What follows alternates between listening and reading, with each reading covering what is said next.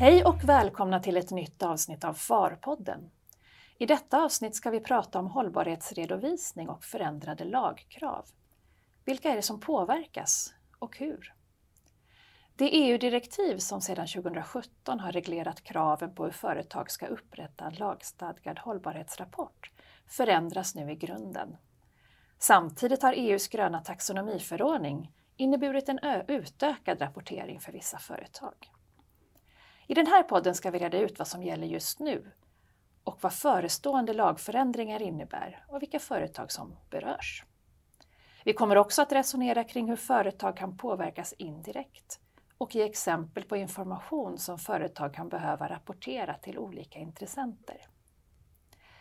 Med mig i studion har jag Henrik Ankron som är auktoriserad revisor och partner på WeAudit. Välkommen Henrik! Tack så mycket!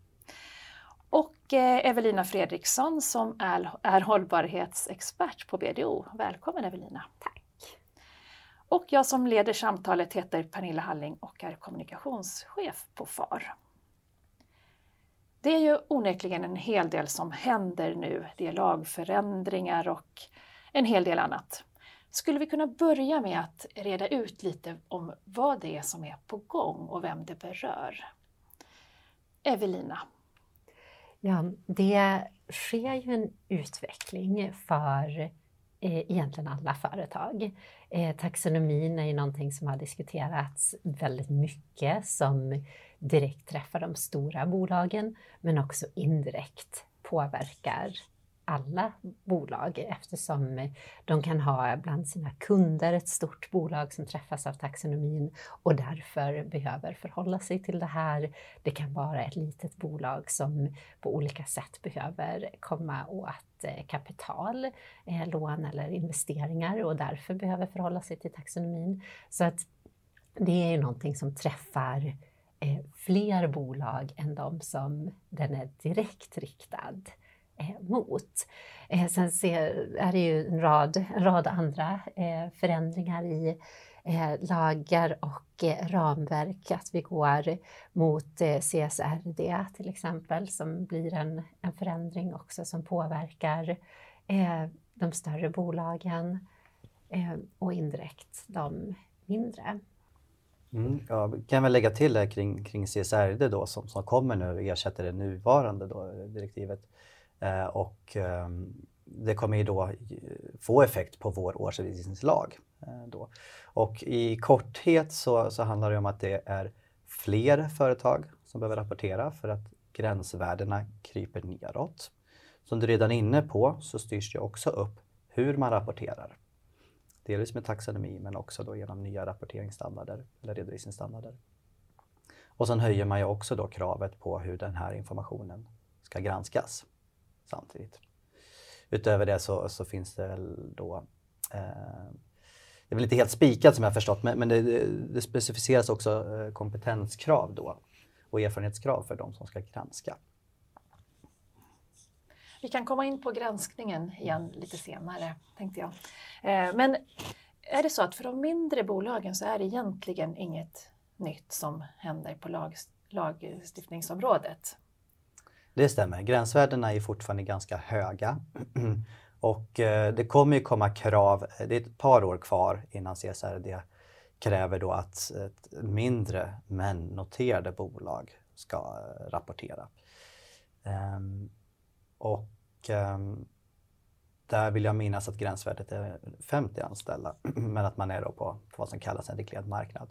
Så att egentligen då de, de allra, allra flesta svenska företag då som är ja, ägarledda eller ligger då på en sån här eh, handelsplats till exempel kommer inte omfattas av lagkraven explicit. Men då undrar jag, varför ska man då egentligen ägna sig åt hållbarhetsrapportering om man är ett sådant bolag då som inte är rapporteringsskyldigt enligt lag? Mm. Um, och det här, här är en åsikt såklart, uh, men, men jag, jag, tror på att, att om vi ska få till den effekt som behövs och, och uh, dels på, på det sociala så att säga, uh, gå mot en bättre framtid men framförallt hantera klimathotet som är ganska reellt här och nu så, så behöver alla företag äh, agera och jag tror att även de små företagen kan påverka mycket genom att ställa krav på sina egna leverantörer och signalera men, men också på sina anställda. och att de i sin vardag hemma, hemma då kan få tips och, och råd liksom från sin arbetsgivare hur man kan bidra som en del av, av arbetsgivarens hållbarhetsarbete. Och, och, där sitter vi i en situation, eh, vi är ju liksom ett småföretagarland där eh, det är tre gånger så många arbetstagare i då företag som inte kommer vara rapporteringspliktiga fortsatt då, eh, ett par år framåt. Och då blir ju de krav som ställs på de företagen, de kommer ju från annat håll. Att då är det ju intressenterna som ställer de kraven. Det kan vara en jätteviktig sak att få på plats om man vill kunna rekrytera. Det kan ju vara ja, men i det här landet också där vi har väldigt många eh, starka, bra företag i mindre orter där man kanske kämpar med att hitta vad, vad är verkligen rätt expertis för oss? Hur behåller vi är den bästa arbetskraften, då är ju hållbarhet också ett argument för att de nya generationerna kräver det. Att man vill inte jobba för en arbetsgivare som inte bryr sig om en hållbar utveckling. Så det blir ju en överlevnadsfråga även för de små bolagen som inte omfattas eh, av lagkraven. Och det har ju också fastställts i enkätundersökningar mot eh, studenter, alltså framtida arbetstagare, att det här är på topp 10-listan. Och den rankar lika högt som alltså, geografisk plats för sin arbetsplats. Alltså vart finns kontoret? Och ja, de pengarna man lägger på ett kontor så att säga i relation till vad icke-rapporteringspliktiga idag kanske lägger på sitt hållbarhetsarbete. Fast det rankas lika ja. högt. Ja, det var en spännande, spännande siffra att verkligen tänka på. Bara, men var lägger jag mina resurser? Eh, och hur kan jag göra en hållbarhets ett hållbarhetsarbete som kanske inte tar så mycket resurser men ändå får enorm effekt på hur attraktiv jag blir som arbetsgivare. Och det kan man se som en, en fördel med att vara icke-rapporteringspliktig. För att du behöver inte förhålla dig till dels det komplexa som man måste sätta sig in i, men dels också då alltså bara att upprätta rapportering utefter det här. Eh, utan du har möjlighet att göra det på frivillig basis mycket enklare och du kan till och med välja ett ramverk själv. Ja, men precis. Det där är ju jätteintressant. Och, och sen också när vi pratar om de som inte är eh, skyldiga att rapportera så är ju de också bolag med ambitioner om att växa. Och det här blir ju ett sätt för dem att förbereda sig också så att de är redo när de väl når de här gränsvärdena och blir eh, skyldiga att rapportera.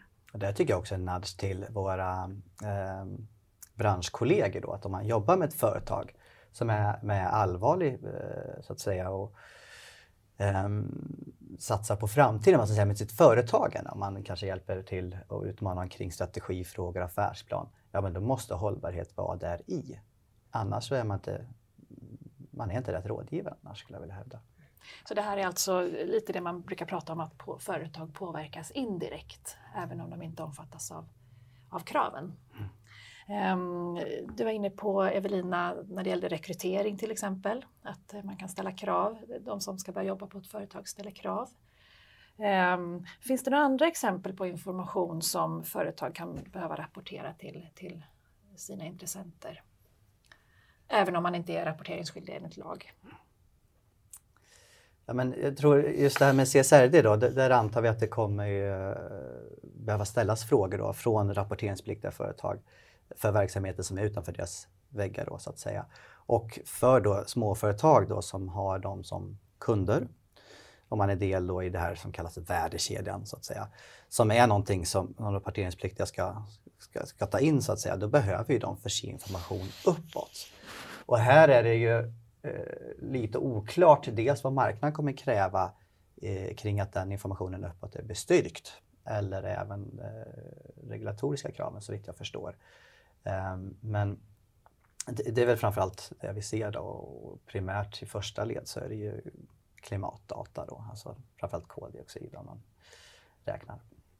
Jag skulle också vilja lägga till att det här beror ju eh, dels på bransch och sen så tror jag också ja, men det kan vara viktigt för förståelsen att vi zonar ut och ser att ja, men hållbarhet innehåller ju flera olika aspekter. Att vi har eh, klimat och miljö, men vi har också de sociala aspekterna. Och de sociala aspekterna eh, är ju aktuella för många små företag som man tittar på egentligen hela byggbranschen som har ett intensivt arbete med hälsa och säkerhet. Det är en social fråga och där finns det redan idag väldigt höga krav eh, på hur en arbetsmiljö ska se ut, hur man ska jobba med hälsa och säkerhet. Eh, även bolag som har en eh, regelrätt produktion följer ju den typen av krav redan idag. Och det är också eh, hållbarhet och det är den här typen av nyckeltal som räknas som icke-finansiell information. Att när du upprättar hållbarhetsupplysningar så behöver du prata om personal. Ja, men hur tar du hand om det? Och det är klart att ja, men för oss som sitter på en revisionsbyrå så är det inte samma frågor i relation till hälsa och säkerhet som om jag jobbar i en fabrik eller ute på ett bygge.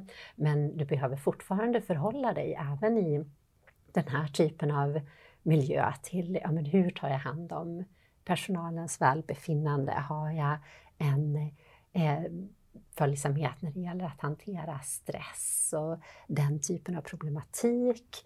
Ett vanligt nyckeltal att rapportera på är ju också personalomsättning. Eh, har jag en väldigt hög personalomsättning så säger ju det någonting om hur väl jag lyckas med det sociala hållbarhetsarbetet. Eh, är det så att jag har eh, ett gott antal utbildningstimmar per anställd till exempel, då kanske jag också har eh, någonting viktigt att visa i min hållbarhetsredovisning. Eh, så det, jag vill också verkligen ja, lyfta det, att det är så många bolag som gör väldigt mycket utan att egentligen använda ordet icke-finansiell information eller man pratar inte om den här aktiviteten som hållbarhet. Men de är redan skyldiga att göra det enligt lag. Eh, de gör det här med en systematik och en djup kunskap.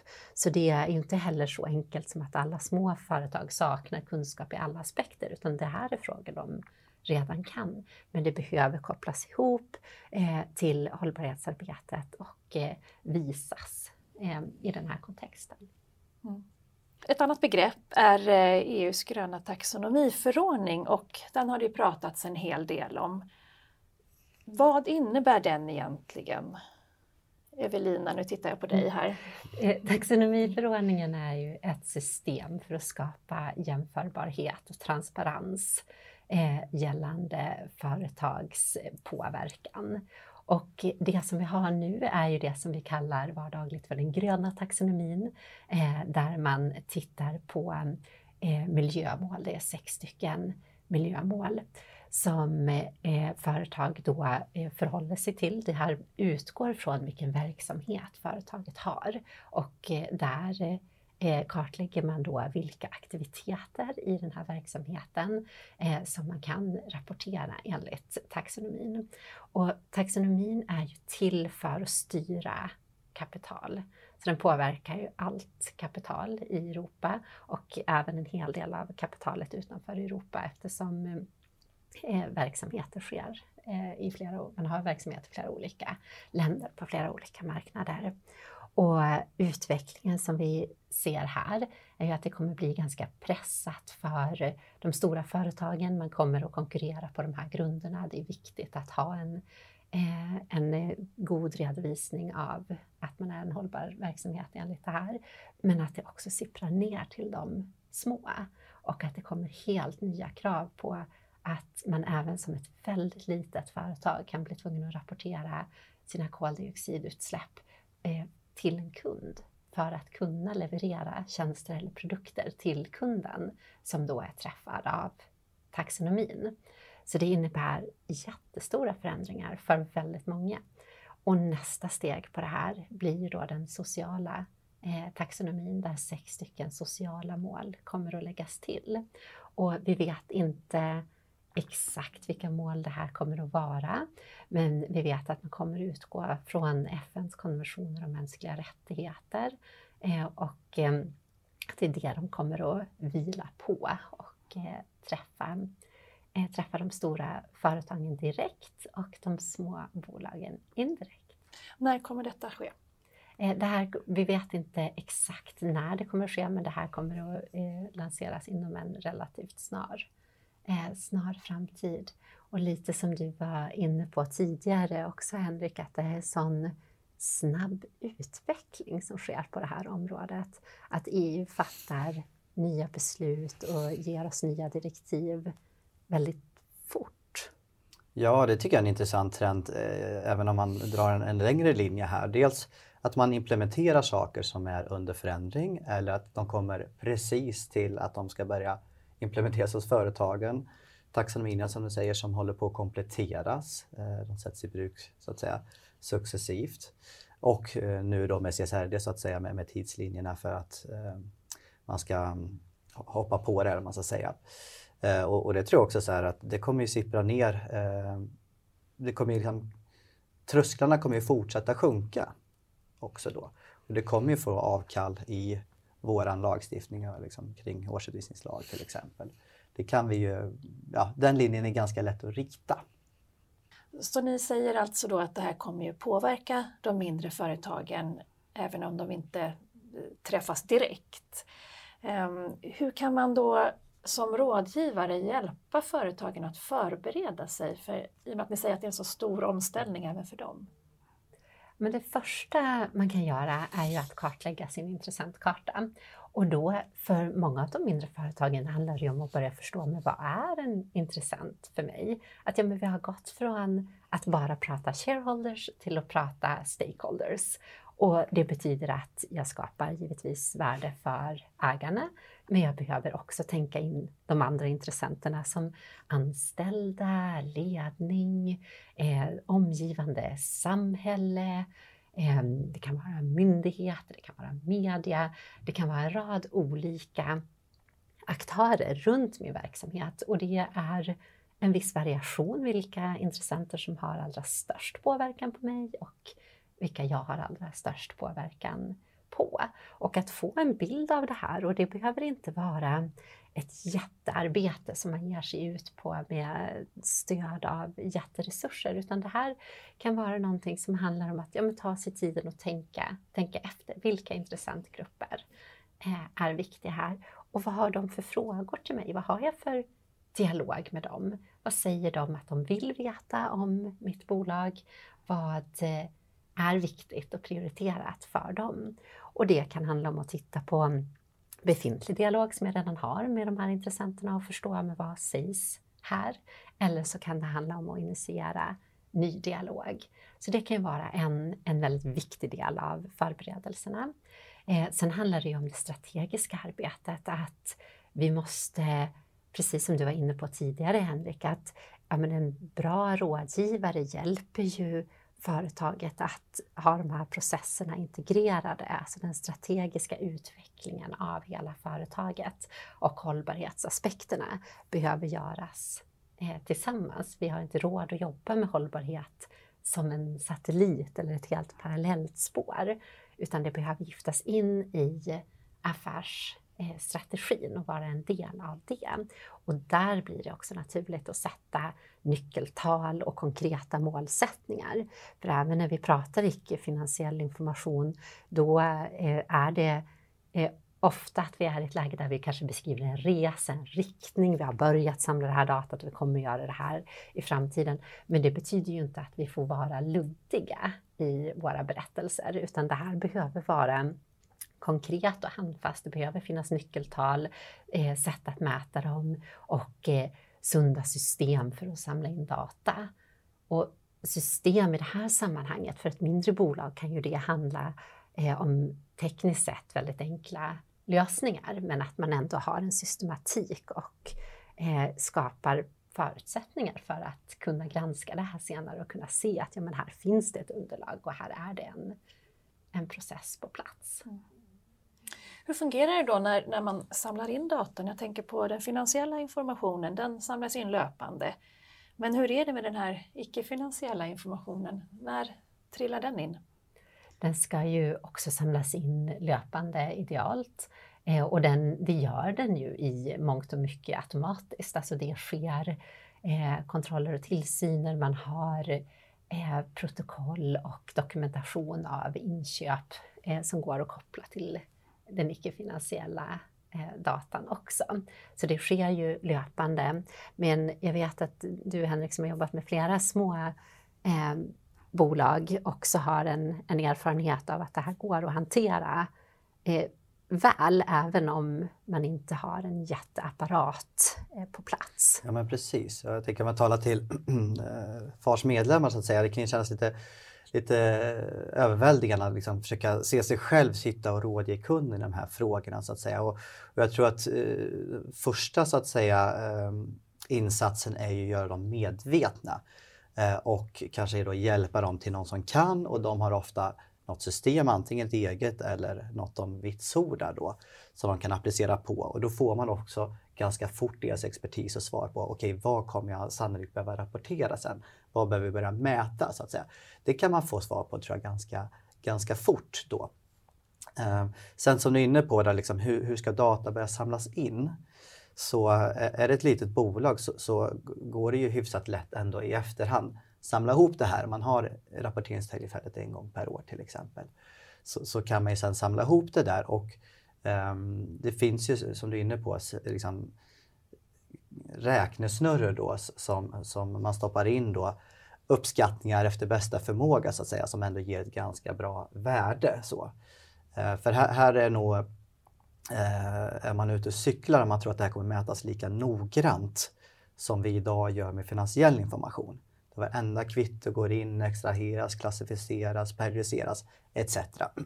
Det här är ju fortfarande lite mycket enklare ska jag säga för de eh, små företagen som inte behöver förhålla sig till de här komplexa reglerna. Vi har ju sett att en del företag använder de globala målen eh, i sitt hållbarhetsarbete och de utgör ju inget redovisningsramverk på något sätt men, men en del företag använder dem ändå i sin rapportering. Ehm, hur, hur funkar det? Ja, och det är ju någonting väldigt positivt för de globala målen det är ju 17 mål som är tänkta att Eh, rikta, rikta alla våra ansträngningar mot den hållbara utveckling som vi vill ha.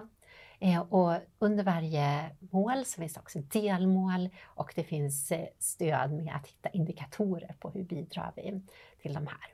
Och när man som företag vill använda det här då, då är det ju viktigt att man prioriterar. För att lägga upp alla 17 delmål och säga att jo men det här ska vi bidra till här på kontoret, det är verkligen att sätta upp sig själv för ett misslyckande. Så det gäller att vara strategisk. Det handlar inte om att säga att ett mål är viktigare än något annat, utan det handlar om att säga att för just det här bolaget så har vi en väldigt stor risk i relation till det här målet och vi har en stor möjlighet i relation till det här målet. Här har vi stor påverkan, här finns det stor risk. Och då blir det också viktigt att tänka in det som kallas för dubbelmaterialitet. Att hur väl vi eh, som, som värd lyckas med att uppnå ett visst mål har en påverkan på företaget eh, och omvänt hur väl jag som företag bidrar till det här målet har en påverkan på omvärlden. Eh, så det är precis på det, det sättet vi ska tänka och utifrån de här prioriteringarna som jag kan göra i relation till de globala målen så kan jag också sätta konkreta mål och nyckeltal för min verksamhet. Att till exempel säga att jag vill bidra till ett mål kopplat till jämställdhet och sen gå ner och sätta konkreta nyckeltal till ja, men hur vill jag att det ska se ut i partnergruppen på det här bolaget? Eller hur ska jag göra med styrelsen i det här företaget för att komma mot, mot det här målet av en ökad jämställdhet. Jag tycker det är intressant också det där med, med det dubbla väsentlighetsbegreppet där. Det är ju väldigt nytt för revisorer ändå. Alltså hur, hur påverkar världen oss eh, och hur påverkar vi världen? Innan har det varit mycket fokus på hur det här företaget påverkar världen. Så. Men nu har vi otroligt konkreta exempel på liksom, ja, men extremtorka till exempel och geopolitiska eh, problem liksom, så, som gör att energipriset stiger i höjden. Um, vilket är ju då ett sätt på hur liksom, bland annat klimatförändring påverkar. Då. Sen eh, just med de globala målen så, så tycker jag också att det är ju eh, tycker jag som sagt, eh, väldigt välarbetat eh, koncept. Så. Eh, för det är ju en del av strategiska hållbarhetsarbetet att faktiskt jobba med mål. Eh, och på något sätt får man det gratis och, och det här kan ju liksom då alla utgå ifrån. Och det är som sagt väldigt många som gör det. Eh, så att um, oavsett om man bedriver ett hållbarhetsarbete så, så, tycker jag det är fantastisk läsning att bara sätta sig in i det och förstå vad det handlar om. Håller med, verkligen. Och där finns det så ja, lätta saker att göra. Att bara ja, men, söka den här informationen, börja läsa om de mål som, som lockar och känns relevanta för att verkligen ge en djupare förståelse. Och det här kan ju i praktiken handla om att lägga börja med en halvtimme och bara titta på vad det här är och mm. hur, hur är det här relevant för mitt bolag? En relevant fråga här i, i diskussionen är ju, gäller ju granskningen. Och Henrik, du var inne lite inledningsvis på granskning och att det kan komma kanske då att krävas olika kompetenser för det. Eh, när det gäller hållbarhetsrapporten, vem, vem ska granska den tycker ni? Om ni får välja. Ja, bra fråga. Ja, men det är lätt att prata ifrån eget intresse. Uh, och um, ja, FARs specialistgrupp inom hållbarhet uh, behandlar såklart också frågan i och med att de, de eh, svarar med remisser till, till EU så att säga. Eh, men vi, vi eh, tror ändå rent objektivt att, att vi kan stå för att revisorn har ju bra förutsättningar för att göra bestyrkanuppdrag. Det pratar ju om etikfrågor, huvudsakligen då oberoende. Vi har ju också en eh, intränad metodik kring hur man förhåller sig till, till sin kund med viss skepticism. Eh, hur man insamlar revisionsbevis, alltså verifierar påståenden så att säga. Så att eh, hela den biten eh, har vi väldigt bra täckt och vi har ju bra organisationer som kan träna eh, nyanställda in i den här metodiken. Eh, och då, då handlar det snarare om då i den mån man själv inte behärskar frågan helt fullt ut så, så har man en skyldighet som revisor enligt ISA att ta in expertis. Eh, och ja, det finns ju redan, oavsett om det är en skattefråga eller vad det nu än är så att säga, så förväntas vi ta in kompletterande expertis. Va? Så att jag tycker att ändå så här, det ramverket vi har och den metodiken som finns upprättad så, så ser jag det som eh, att vi har väldigt bra förutsättningar att jobba med de här frågorna. Att vi behöver liksom inte ge bort det man ska säga, till en annan yrkesgrupp. Och, och tolkar det rätt att du, det blir helt enkelt en bättre granskning, mer ändamålsenlig granskning? Ja, det tror jag. Du tror det? Ja. Mm. Ja, jag håller helt med att just den här metodiken och processen som finns på plats är otroligt värdefull för att granska även icke-finansiell information. Tack så mycket för det. De orden får avsluta den här podden. Stort tack Henrik och Evelina för att ni har delat med er av er kunskap och bidragit i den här viktiga diskussionen idag. Hållbarhetsfrågorna blir ju, jag vet inte om man ska säga tyvärr, men, men bara viktigare och viktigare. Så än en gång stort tack. Och tack till dig som har lyssnat. Vi hörs snart igen hoppas jag.